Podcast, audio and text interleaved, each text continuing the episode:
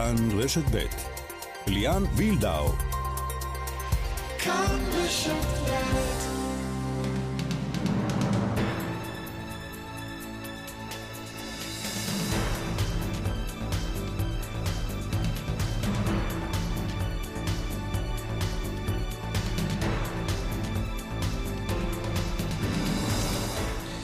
שלום לכם, כאן רשת ב', אנחנו עם המשך אה, המשדר המתגלגל אה, באשר אה, לאותה פלישה של רוסיה לאוקראינה. עם העדכונים החדשותיים, מיד נהיה גם באוקראינה, נשמע מהכתבים שלנו שפרוסים שם, מאזרחים שנמצאים באוקראינה ומנסים להיחלץ בשעה זו מהמדינה, וגם כל הפרשנויות והעדכונים החדשותיים הנוספים שקשורים באירוע המתגלגל הזה והמשמעותי כל כך. מפיקה את המשדר אורית שולץ, הטכנאי שמעון דו קרקר, איתנו באולפן, ילווה את המשדר הזה אה, אחר הצהריים הזה, פרופסור גיא בן פורת, ראש המחלקה לפוליטיקה וממשל באוניברסיטת בן גוריון, שלום לך אדוני. ערב טוב. אז אה, מיד נשמע גם את הצהרת ראש הממשלה, אה, נפתלי בנט, לפני דקות ספורות, איתנו על קו הטלפון גילי כהן, כתבתנו המדינית, שלום גילי. שלום ליאן. כן, לפני זמן קצר ראש הממשלה נפתלי בנט בהתייחסות ראשונה בעקבות הפלישה של רוסיה לאוקראינה, אומר אה, למסיימי אה, טקס אה, קורס הקצינים בבה"ד 1 שעניין המלחמה בין הצבאות, האפשרות הזו אינה נחלת העבר. הנה אנחנו רואים דוגמה חיה לכך ממש ברגעים אלו באוקראינה. עוד מתייחס ראש הממשלה בנט גם לקריאה החוזרת ונשנית של ישראל למי שעדיין, לישראלים שעדיין שוהים באוקראינה, קורא להם שוב לעזוב את המדינה. בואו נשמע את הדברים. מכאן אני פונה לאזרחי ישראל שעוד לא יצאו מאוקראינה, צאו כעת, שמרו על חייכם. האנשים שלנו ממתינים לקלוט אתכם במעברי הגבול במערב המדינה. בנוסף, כל יהודייה ויהודי בכל מקום בעולם יודע שאנחנו מחכים לו כאן ושהדלת של מדינת ישראל תמיד פתוחה. אלה רגעים קשים וטרגיים, וליבנו עם אזרחי אוקראינה שנקלעו למצב הזה ללא עוול בכפם. ישראל תירתם להושיט יד בכל סיוע הומניטרי שיידרש. יש לנו את היכולת ואנחנו למודי ניסיון בכך. כן, אז אה, ראש הממשלה בנט מתייחס להיבט ההומניטרי, גילי. מוקדם יותר שמענו את אה, שר החוץ אה, יאיר לפיד מגנה את רוסיה, מה שבנט נמנע לעשות מלפני דקות אחדות. נכון, ליאן, היום בצורה מעניינת למדי, פחות מיממה לאחר פרסום ההודעה הרפה של ישראל, רק אתמול מתייצב שר החוץ לפיד לעיני המצלמות ומגנה את רוסיה, מדבר על התקיפה ככזו שמשנה את הסדר הבינלאומי, גם מתאר על הפעילות הישראלית, כפי שראש הממשלה בנט אה, ציין, את הפעילות הישראלית עם הדיפלומטים הישראלים שמוצבים בשטח ממש במעברי הגבול כדי לסייע לישראלים.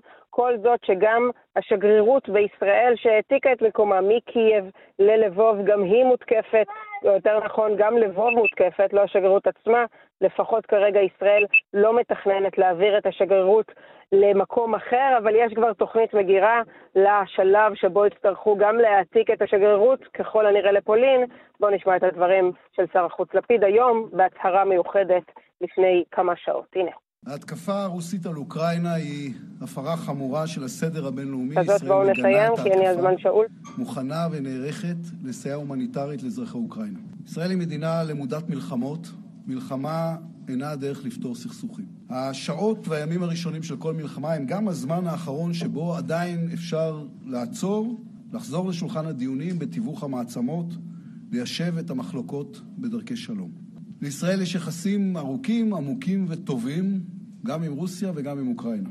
יש עשרות אלפי ישראלים בשתי המדינות, יש מאות אלפי יהודים בשתי המדינות. שמירה על שלומם וביטחונם הם בראש מערכת השיקולים שלנו. בנוסף, עלינו לשמור על ביטחונם ושלומם של אנשי משרד החוץ, אנשי נתיב ואנשי הסוכנות שממוקמים באוקראינה. בשעות אלה ממש הם מסכנים את חייהם כדי להמשיך לתת סיוע ועזרה לכל ישראלי ולכל יהודי. גילי כהן, כן, כתבתנו אה, המדינית, כן. ליאן, אם אפשר רק עוד. משפט, אה, ברשותך, משרד החוץ בעקבות הפלישה עבר לעבוד במתכונת חירום מלאה, זו הודעה מהדקות האחרונות שיוצאת. כן, ואנחנו יודעים שיש צוותים בלבוב, אה, אה, צוותים של שגרירות ישראל, שגם אה, אה, מסייעים אה, לישראלים שרוצים לצאת דרך המעברים אה, למדינות אה, שכנות. אה, על כך אה, גם אה, נעדכן אה, בהמשך. גילי, תודה. תודה. ואיתנו כאמור באולפן פרופסור גיא בן פורת, ראש המחלקה לפוליטיקה וממשל באוניברסיטת אה, בן גוריון. אתה שומע את הדברים אה, גם של בנט, המסויגים יותר, עם היבט הומניטרי ולא התייחסות מדינית כלשהי, או כמובן לא גינוי, אה, לעומת הדברים כמה שעות מוקדם יותר של יאיר לפיד. איך אתה מנתח את זה? תראה, בוא נתחיל מעובדה שישראל היא לא שחקן מאוד חשוב בכל הסיפור הזה.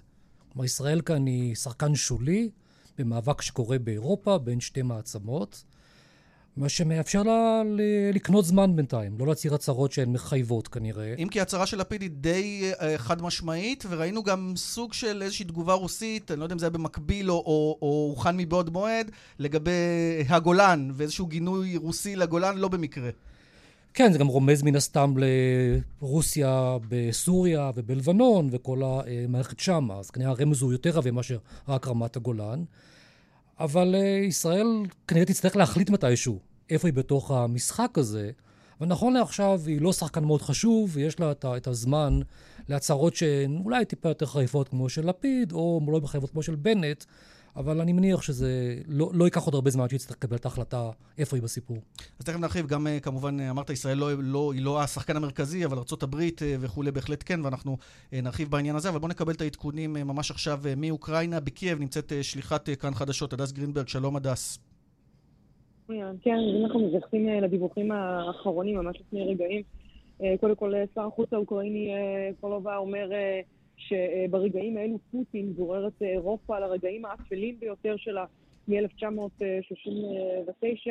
כל ממשלה, הוא אומר, שחושבת לפתור את זה ברוגע היא תמימה, תקעו ברוסיה. אה, הוא אה, מבקש עם סנקציות גם קשות יותר, תסייעו לאוקראינה מבחינה צבאית וכלכלית. אה, רק כך נוכל לעצור את התוקפנות הרוסית. אז אלה, זו תגובה אה, ממש מהרגעים האחרונים של גורם ממשלתי, שר החוץ האוקראיני, כפי שציינו. והדיווחים אה, על הפיצוצים ברחבי אה, אוקראינה ממשיכים להתגבר. אחד הדברים שאנחנו שמים עליהם, כמובן זכוכית מגדלת אה, בין היתר כאן בקייב, שבה אני נמצאת, ביחד גם עם הצלם ארז כהן. זהו, אני. רוצה לשאול אותך, הדס, קודם כל, בהיבט האישי, איפה אתם נמצאים? היכן אתם ממגנים את עצמכם, אם בכלל? האם יש קולות פיצוצים שאתם שומעים כבר בקייב? כי שמענו גם דיווחים על איזושהי התקרבות לקייב, או כבר אפילו נכון, פעתי. קייב. זה בדיוק מה שרציתי לומר, ש, ש, שזה אחד, אחד הדברים הכי מרכזיים שמסתכלים עליו לא רק באוקראינה עכשיו, בכלל בעולם כולו. העובדה שמסמנים שחיילים אה, רוסים חדרו לאזור של אה, קייב, מזכיר, אה, עיר הבירה המונה שלושה מיליון תושבים, אה, וממש גורם באיחוד האירופי כבר אמר לפני כשעה לכתבנו עמיחי שטיין שהרוסים מתקדמים בכל החזיתות, ואנחנו יודעים, שקיים חשש של נפילת קייב. זה משהו שכמובן גורם כאן חרדה ללא מעט אנשים. אנחנו כאן, אה, אתה יודע, אה, עושים את עבודתנו אה, ליאן, אה, נמצאים אה, אה, אה, במרכז אה, קייב. פוניתם אה, מהמלון שבו אה, שהייתם? כי נכון. היה- היה גם איזשהו אירוע כבר- כזה, אני כבר- מבין. נכון, ממש אה, בשעות הבוקר דפיקות בדלת, דלת דלת אה, בבית אה, מלון אה, במרכז. אה, ביקשו מאיתנו פשוט לקחת את החפצים שלנו, לארוז ולהתפנות אה, מהמלון בגלל המצב. אה, צריך לציין, אה, הפיצוצים הראשונים שנשמעו כאן אה, בקייב היו בסביבות השעה חמש בבוקר. כך התעוררו תושבי קייב לידי הפיצוצים שהיו בשדה התעופה- בוריספול. ומאז קצב האירועים פה הוא באמת אה, אה, בלתי נתפס. אה, כשאני אומרת פה, אני כמובן מתכוונת לא רק לקייב, אלא לאוקראינה אה, כולה, גם על דיווחים על הפלת אה, מסוקים של הרוסים, כך טוענים האוקראינים, לפני אה, קצת יותר אה, משעה, בשדה תעופה אה, סמוך אה, אה, לקייב. כאן ספציפית הפיצוצים האחרונים ששמענו היו כבר לפני קצת יותר משעה וחצי, אה, שעתיים, אזעקות אפילו קצת מוקדם יותר. שמענו, אבל המצב כן. כאן, במקום שבו אני נמצאת כרגע, כביש ראש, סמוך לכביש ראשי, אתמול ליאן אה, נסענו פה לצלם איזשהו אה, אייטם, ופשוט עמדנו בפקק, לא יכולנו להזיז את האוטו. ממש אה, בשעות כן, האלה... ראינו את התמונות של הבריחה. ההמונית מקייב, פשוט אה, פקוק נכון. לחלוטין, מראות ש, של מנוסה המונית, אלפים רבים ש, שנסים מקייב לכיוון אה, מקומות אולי בטוחים יותר. כיוון מערב. כן, לכיוון נכון. מערב. הדס, שמרו על עצמכם, אנחנו נשוב ונתעדכן אה, דרכך אה, בהמשך. תודה. תודה רבה, ליאן. הדס גרינברג, שליחתנו בקייב. אה, פרופסור גיא בן פורת, אה, אנחנו שומעים על התקרבות רוסית לקייב. מה אנחנו יכולים לומר על מה שרוצה רוסיה להשיג בעצם בהליך הזה? האם היא הולכת על כיבוש באמת אה, מושלם, או שמדובר פה על איזושהי, איזשהו מהלך צבאי, כמו שמתעקשים לקרוא לו הרוסים, איזשהו מבצע ולא מלחמה, שמטרתו היא לאו דווקא לכבוש את אוקראינה? בין מבצעים לבין מלחמות, אנחנו מכירים את זה טוב גם אצלנו. קשה לראות, זאת אומרת, קשה להבין. אני חושב שאנחנו, זה די אה, בניגוד להרבה ציפיות ותחזיות, הרוסים נכנסו למלחמה הזאת עם מה שנקרא all in. עם, עכשיו, ייתכן שמה שפוטין רוצה זה להגיע למין עמדת מיקוח יותר טובה במשא ומתן. כלומר, כאשר הכוחות הרוסים יהיו בתוך אוקראינה, הוא ינהל משא ומתן על כך שאוקראינה לא תצטרף לנאט"ו, יקבל איזושהי התחייבות לזה. אה, האזורים הבדלנים במזרח אה, יקבלו את העצמאות היותר אה, גדולה שלהם, אה, והוא בעיקר יצא נשכר מבחינת מעמדו הבינלאומי. הבעיה במלחמות... Make Russia great again, זה, זו, זו המטרה. כן, תראה, פוליטיקה של יחסים בינלאומיים יש תמיד גם אלמנט פנימי, של מדיניות פנים ומדיניות חוץ שזורות אחת בשנייה. אז אני מניח שפוטין יסתכל גם אחורה אל הציבור הרוסי, וצריך להגיע עם איזה שהם הישגים, גאווה, מעמד בינלאומי של רוסיה. הוא לקח פה הימור שייתכן שהוא הימור די גבוה, כי הסנקציות עלולות להיות אה, כואבות. אגב, הפוליטיקה הפנים-רוסית, זה, זה עלול לעלות לו באיזושהי צורה, או שאין שום סיכוי במבנה הממשל הרוסי? קשה לראות. העניין הוא עם משטרים שהם לא דמוקרטיים, שאנחנו לא יודעים מה קורה שם בפנים באמת. הם לעיתים נופלים בבת אחת. אין אופוזיציה מסודרת, יש מין נפילה בבת אחת. כמה לגיטימציה יש לפוטין, כמה חזק כוחו הפוליטי וה, אה, והמשטרתי בעיקר. עד עכשיו הוא חיסל את האופוזיציה מאוד ביעילות ברוסיה. אז אפשר להניח שגם עכשיו הדבר הזה עוד קיים.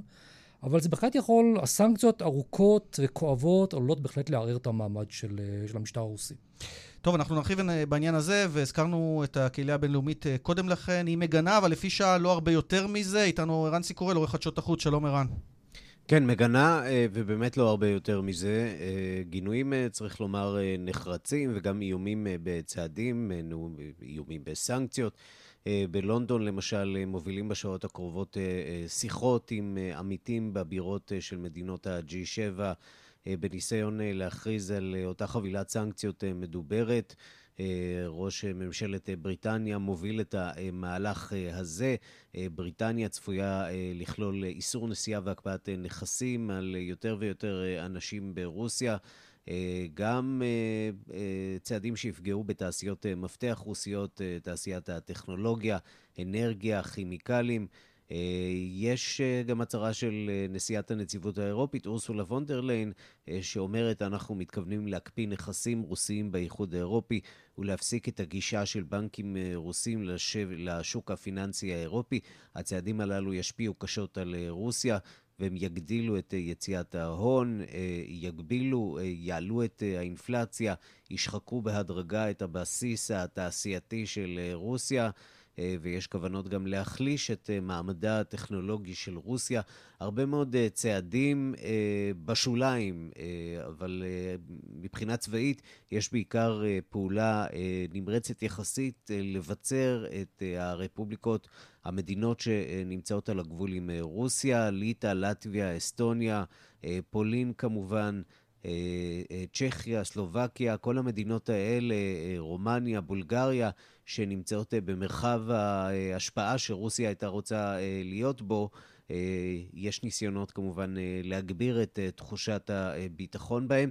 יש מדינה אחת שאנחנו לא מדברים עליה הרבה, וזו מולדובה. זו מדינה קטנה יחסית שנמצאת בין אוקראינה לבין רומניה, ואומנם הייתה המלצה לישראלים לצאת דרך מולדובה, אבל צריך לקחת בחשבון שבמולדובה אה, הופסקה התנועה האווירית. אה, ויש אה, חשש, אה, צריך להודות, אה, במולדובה יש גם אה, ממשלה שהיא במידה מסוימת אה, אנטי-רוסית. כן. יש חשש שעם האוכל אה, יבוא לפוטין התיאבון ואולי הוא ינסה אה, לפלוש לעוד אה, שטחים. בינתיים מחאה בינלאומית לא רק בזירה הדיפלומטית, אלא גם בזירה הציבורית. כך זה נשמע לפני שעה קלה בברלין, הפגנה של מתנגדי הפלישה של פוטין.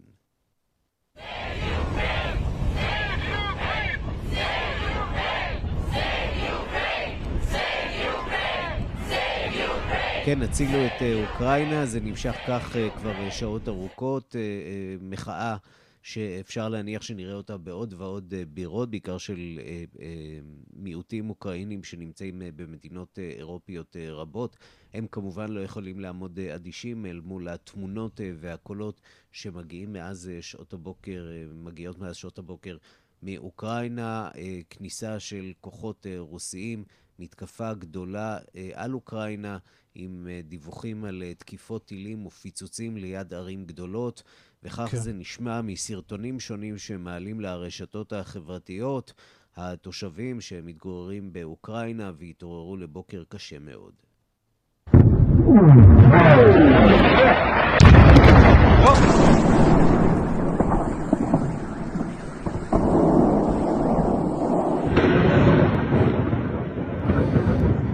הקולות שלהם, למרבה הצער, מוכרים אה, גם כאן אצלנו. אה, אנשים עדיין מנסים לברוח מהבירה קייב, יש כן. תחושה אה, של הלם, ויש תסכול ותחושה שלמעשה, נכון לעכשיו, הכוחות האוקראינים לא מצליחים לבלום את הפלישה הזאת. חיילים רוסים כבר באזור קייב, ולא נראה שיש משהו שיכול לעצור אותם. או שיש משהו שמנסה לעצור אותם. ערן ציקורל, עורך חדשות ערוץ, תודה רבה, ותוך כדי שאתה אה, משוחח איתנו, גם דיווח ב-CNN שהרוסים השתלטו על שדה התעופה אנטונוב ליד קייב, והזכרת אה, ניסיון בריחה מקייב, אנחנו רוצים אה, לדבר עם אביו של מי שרוצה, אני מניח, אה, לצאת מקייב בזמן הקרוב, נמצא שם כדורגלן נבחרת ישראל מנור סולומון, הוא שחקן שכתר דונייצק, אביו יוסי סולומון איתנו. שלום יוסי.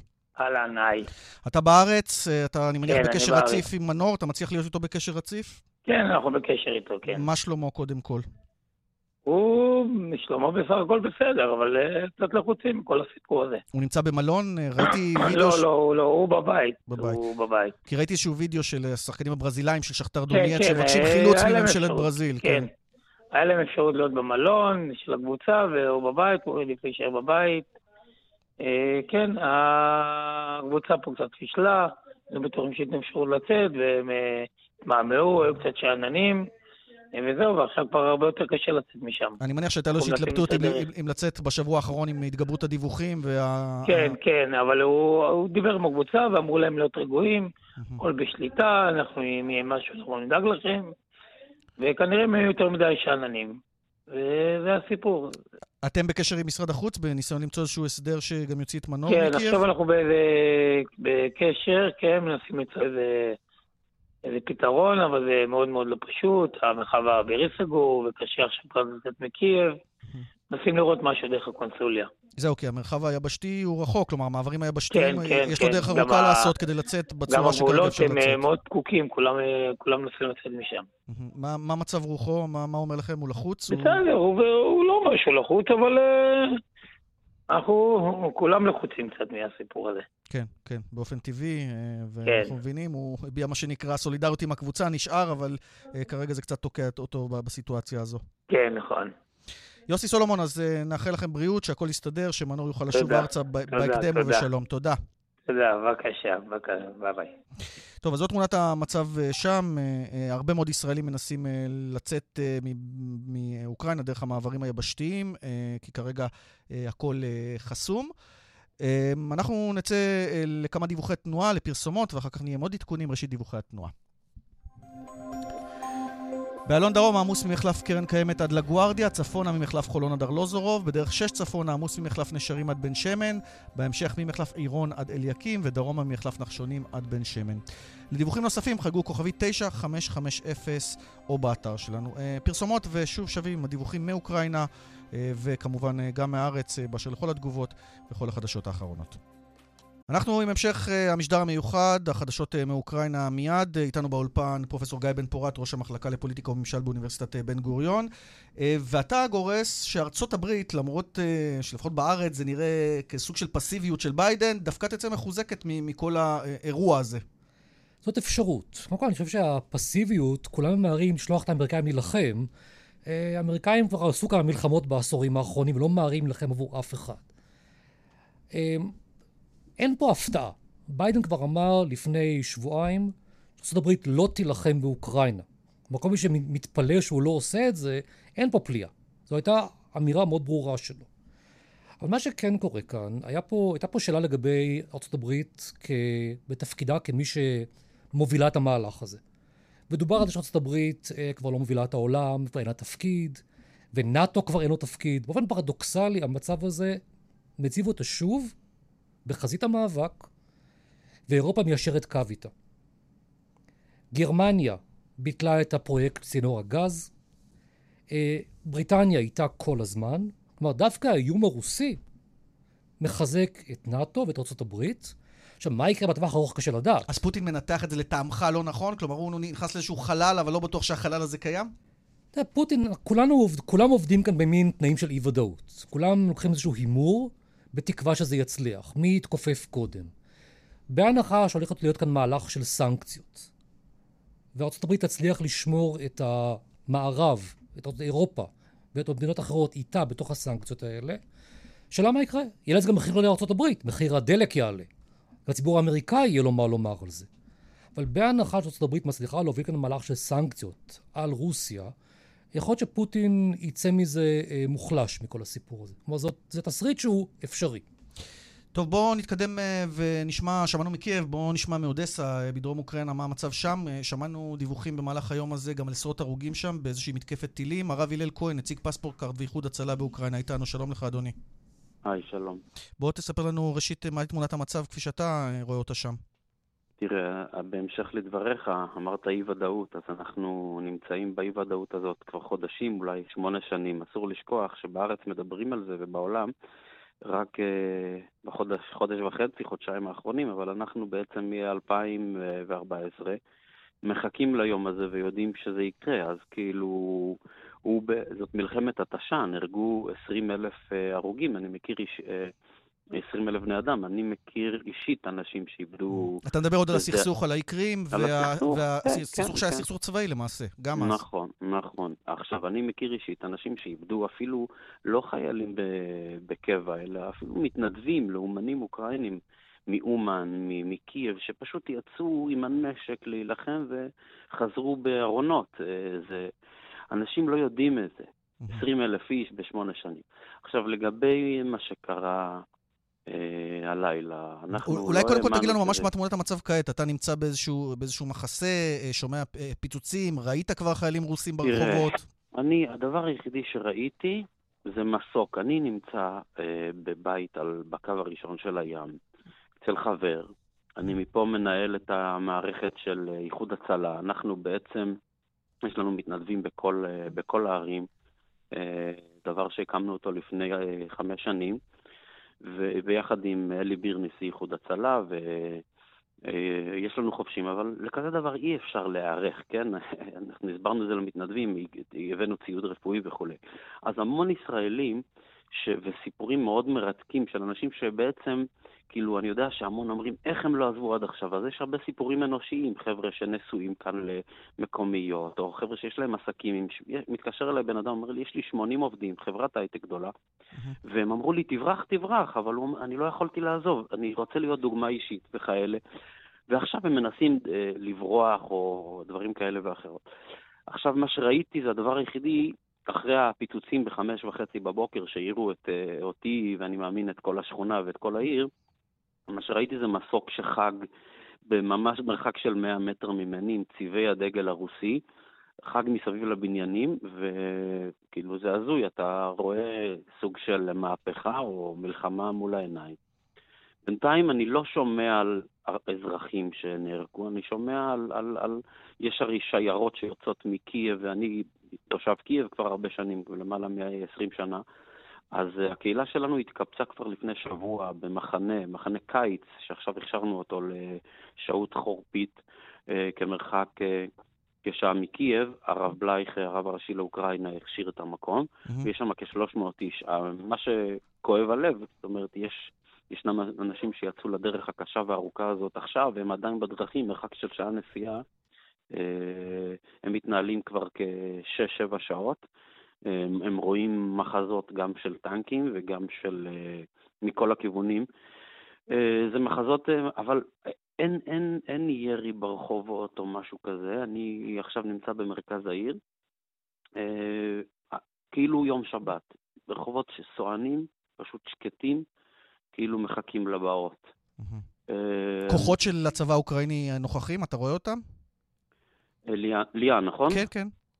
תשמע, ליאן, זו חוויה מטלטלת, כן? אני לא רואה כוחות, כי אנחנו נמצאים במרכז העיר, פה ושם, אה, אבל לא, לא, לא, ב, לא בעוצמה שכאילו הייתי מצפה לה. כן. עכשיו, גם לא ראינו היערכות אה, קודם, מוקדמת. אתמול העיר הייתה שוקקת חיים, קניונים, ולא ראית הסתערות על חנויות, ועכשיו אתה רואה את זה, וזה... זה...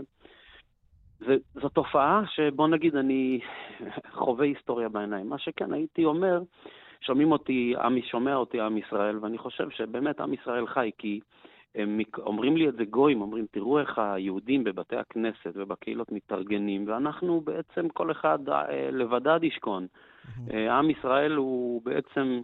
יחידה אחת וכולם דואגים אחד לשני, ויש, עכשיו יצאו מפה אוטובוסים למקומות מסוימים, למחסות, אבל... אגב, מקומות מאורגן... אחרים, אה, שמעת מה קורה באומן למשל, שזה יעד פופולרי לישראלים וליהודים אומן, בכלל? אומן, אומן בגדול התרק, התרוקנה מיושביה, אנשים עלו, זאת לא קהילה גדולה, מדובר בסך הכל במאה איש, והם התרוקנו בסך הכל, ו...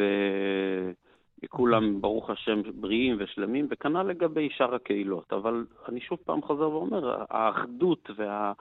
וההתעניינות ובאמת העזרה היא, היא מכל הארגונים, מכל הקהילות, כולם התאחדו בקשר אחד עם השני.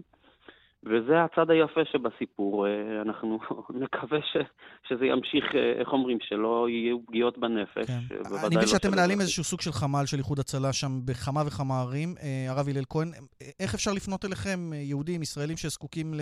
אולי מאזינים לנו במקרה או משפחותיהם, ויכולים אולי להסתייע בשירותיכם לפחות באופן זמני? תראה, אני, רק שנייה.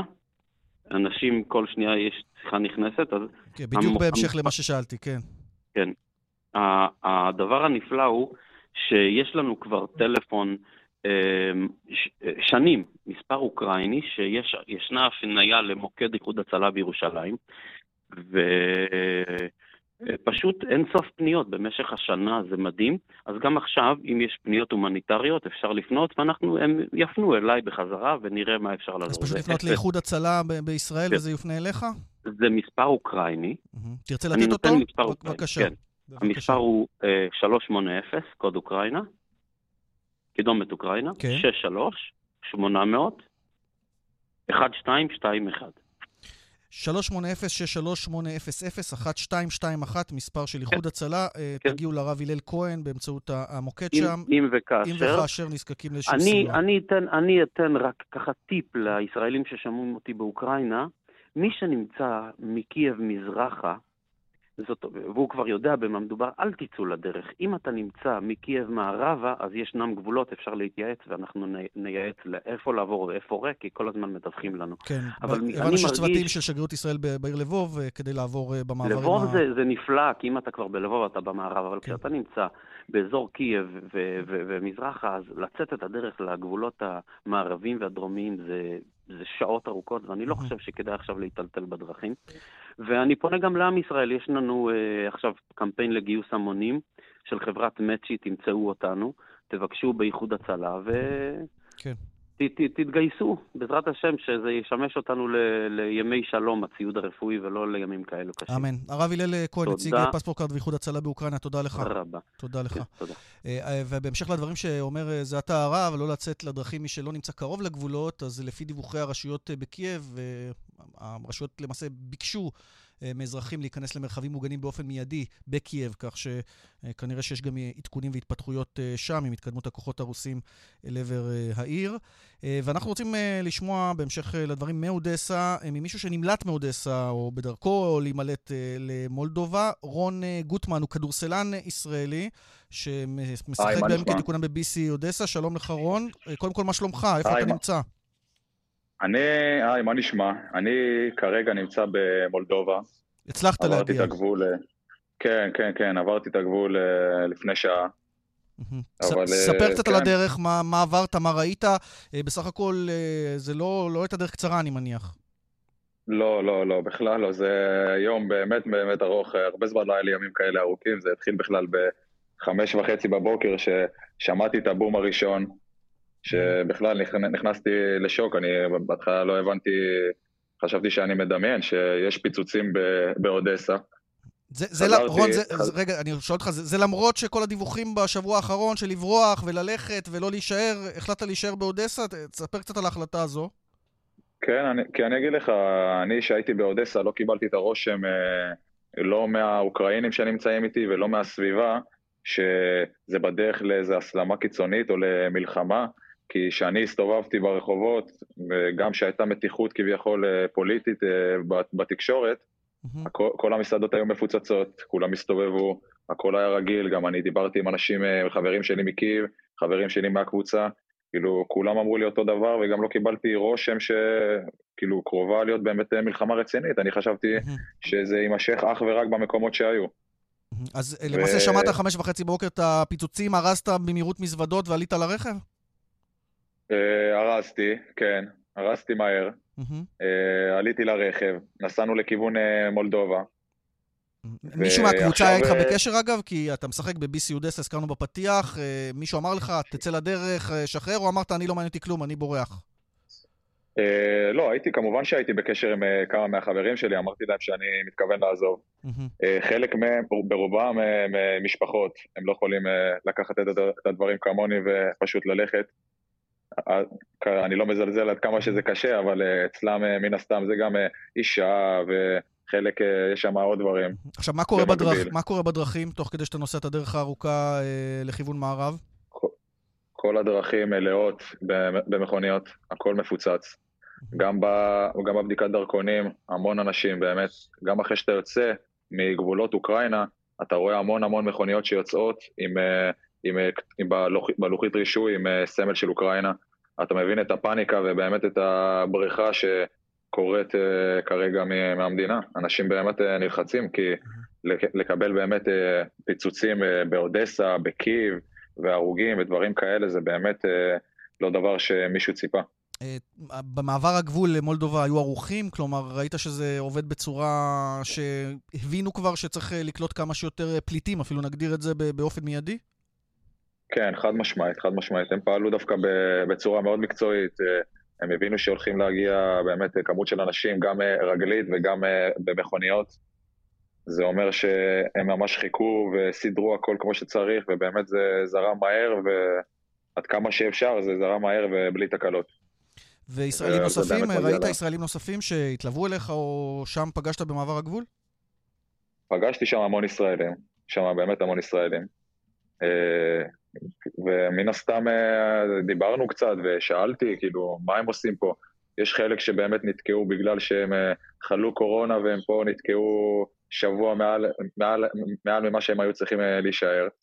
ויש כאלה שבאמת לא, לא ציפו לדבר כזה ובאמת נשארו וככה קיבלו את זה בתור משהו לא נורמלי ברגע האחרון והחליטו שזה הזמן ללכת. לסיום שיחתנו, רון, איך אתה חוזר הביתה ממולדובה? כבר יש טיסה הביתה? כן, יש לי טיסה מבוקרסט בשעה 6 בבוקר כבר סגרתי. אתה חוצה מדינות ב-24 אה, שעות. כן, כן, אני כבר, אה, אני המון, המון שעות על הדרכים, זה באמת, במצטבר זה יצא מעל 12 שעות שאני באמת אה, נוסע ומנסה להגיע למקום שבאמת אפשר לטוס ממנו, כי מולדובה סגרו את השמיים ואי אפשר, אפשר לטוס ממולדובה.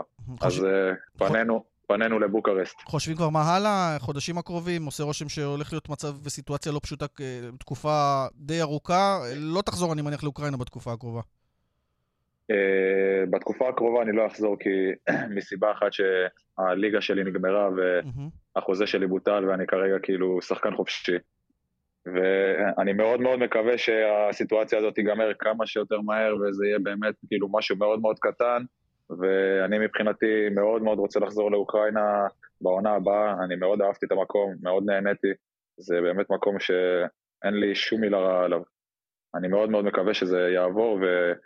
ונעבור את התקופה הזאת אה, באמת אה, בשלום ובלי יותר מדי נפגעים. אמן, רון אה, גוטמן, כדורסלן ישראלי, שיחק ב-BC אודסה ונמלט היום מאודסה למולדובה. קודם כל טיסה בטוחה ומהירה הביתה. שוב בשלום ושמור על עצמך. תודה. תודה רבה, תודה רבה. להתראות. ביי ביי. פרופסור גיא בן פורת, ראש המחלקה לפוליטיקה וממשל באוניברסיטת בן גוריון, מלווה אותנו במשדר הזה. פרופסור בן פורת, אתה שומע גם את העדויות של אנשים שהופכים להיות פליטים, אז נכון שלחבר'ה שלנו יש לאן לחזור, ויש גם סיוע של משרד החוץ. יש המון כאלה שאין להם לאן ללכת, אנחנו רואים את הטורים הארוכים, פשוט בריחה המונית, מה שאנחנו מכירים ממדינות אחרות, מסכסוכים אחרים. איך אתה רואה את כל סיטואציית הפליטים שם? מעבר לצד ההומניטרי, שהוא טרגדיה, זה גם עוד כלי של פוטין כנגד אירופה. העניין של הפליטים... להציף אותם עם פליטים. להציף את פליטים, זה סוג של איום על אירופה, זה לזרוע כאוס במדינות האלה. אני חושב שהדחיפה של הפליטים בחוץ זה חלק מהאסטרטגיה הרוסית. אם אנחנו מסתכלים אה, הלאה על, על הסיטואציה, אם ננתח את זה ככה במבט על, אתה רואה את זה ממשיך שבועות, חודשים, או שזה באמת קשה לדעת ויש לזה דינמיקה גם שיכולה להשתנות בן רגע? או שיש פה אסטרטגיה סדורה וברורה? תראה, אנחנו יודעים שלמלחמות נכנסים עם אסטרטגיה ויוצאים עם כאוס. וזה גם המקרה הזה. זאת אומרת, יש לפוטין אסטרטגיה, הוא רוצה להשיג יעדים, תוך כדי ה... ממשלת בובות לטעמך זאת, זה יהיה אחד היעדים שגם יושג אה, באוקראינה? זה, זה ודאי אחד היעדים. ממשלה באוקראינה שתהיה כפופה ל, לרוסיה, שלא תחשוב על חבירה למערב ולנאטו.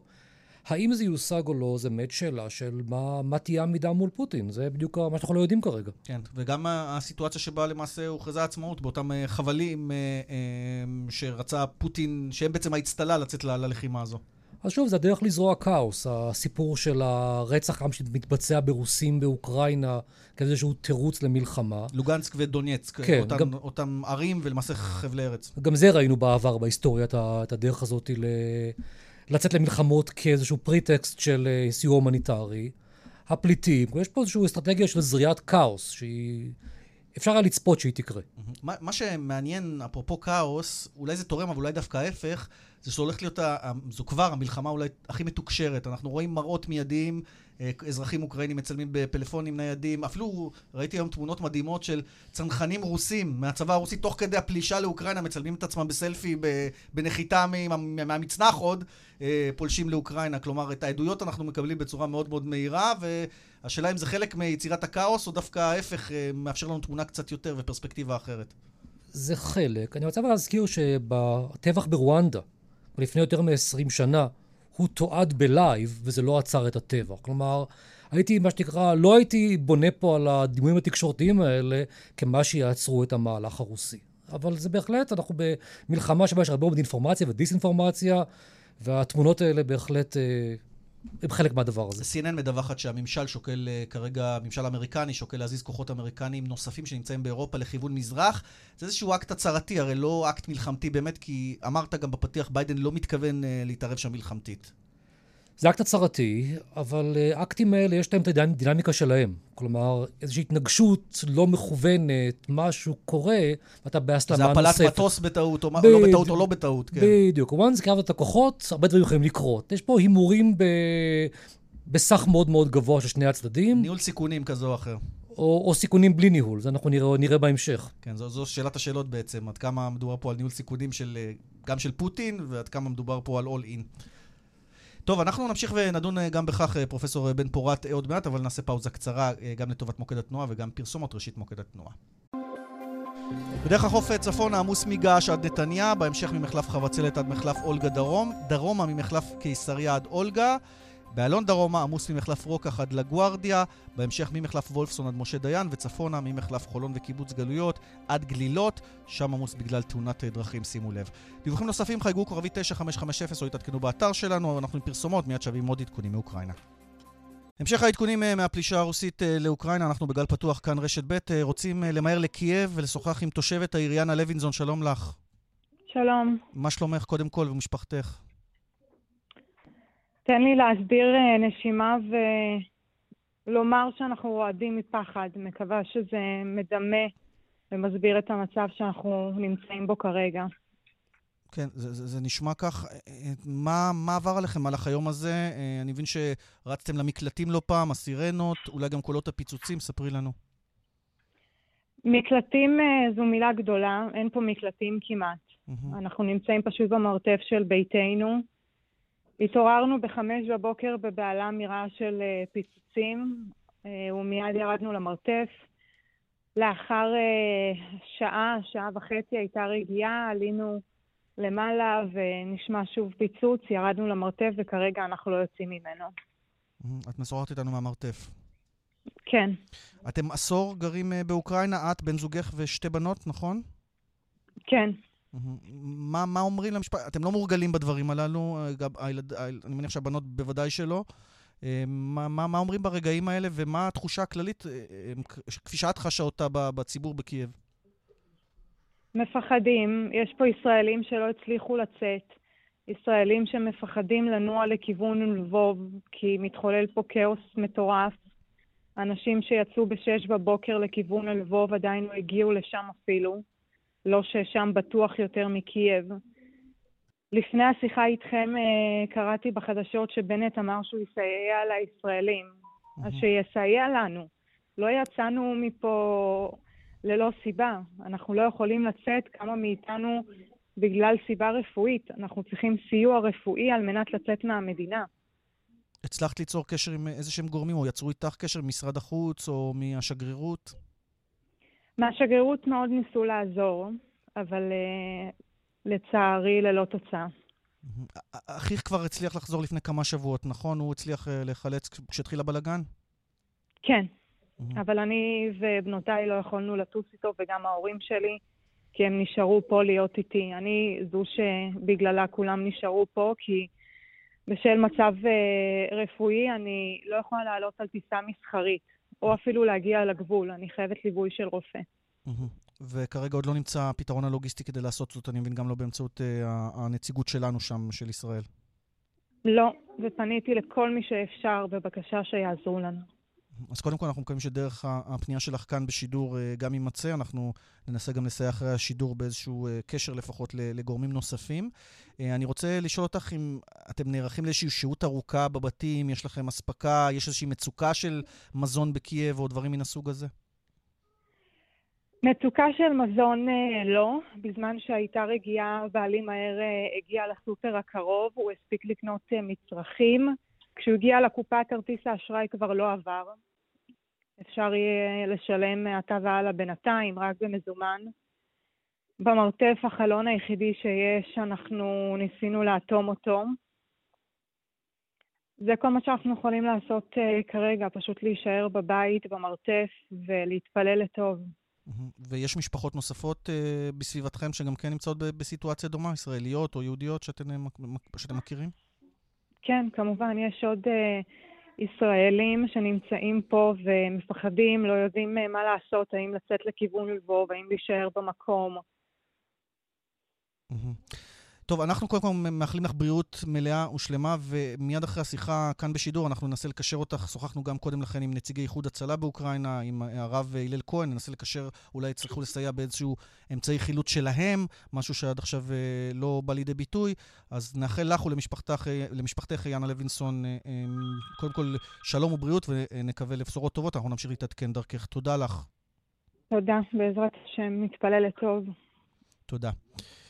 כן, אז ככה לסיום המשדר שלנו, לפני סיום חלקנו, אחרינו כאן הערב עם קרן אוזן וזאב קם, אה, פרופסור גיא בן פורת, קיבלנו איזשהו, אני חושב את העדות המצמררת ביותר של מישהו שנמצא במצוקה כרגע ולא יכול לצאת, לא יכול להתנייד. אני מניח שזה לא מקרה יחיד אה, אה, של ישראלים שנמצאים שם.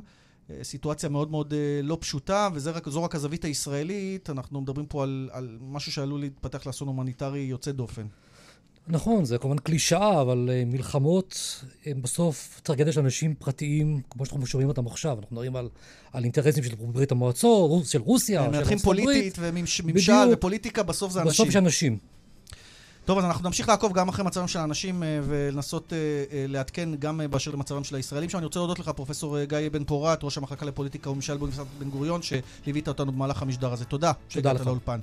אנחנו אה, מסיימים את חלקנו כאמור, אה, אה, אורית שולץ הפיקה את המשדר, הטכנאי שמעון דוקרקר, ליאן וילדר מודה לכם המאזינים, המשך הגל הפתוח מיד לאחר החדשות.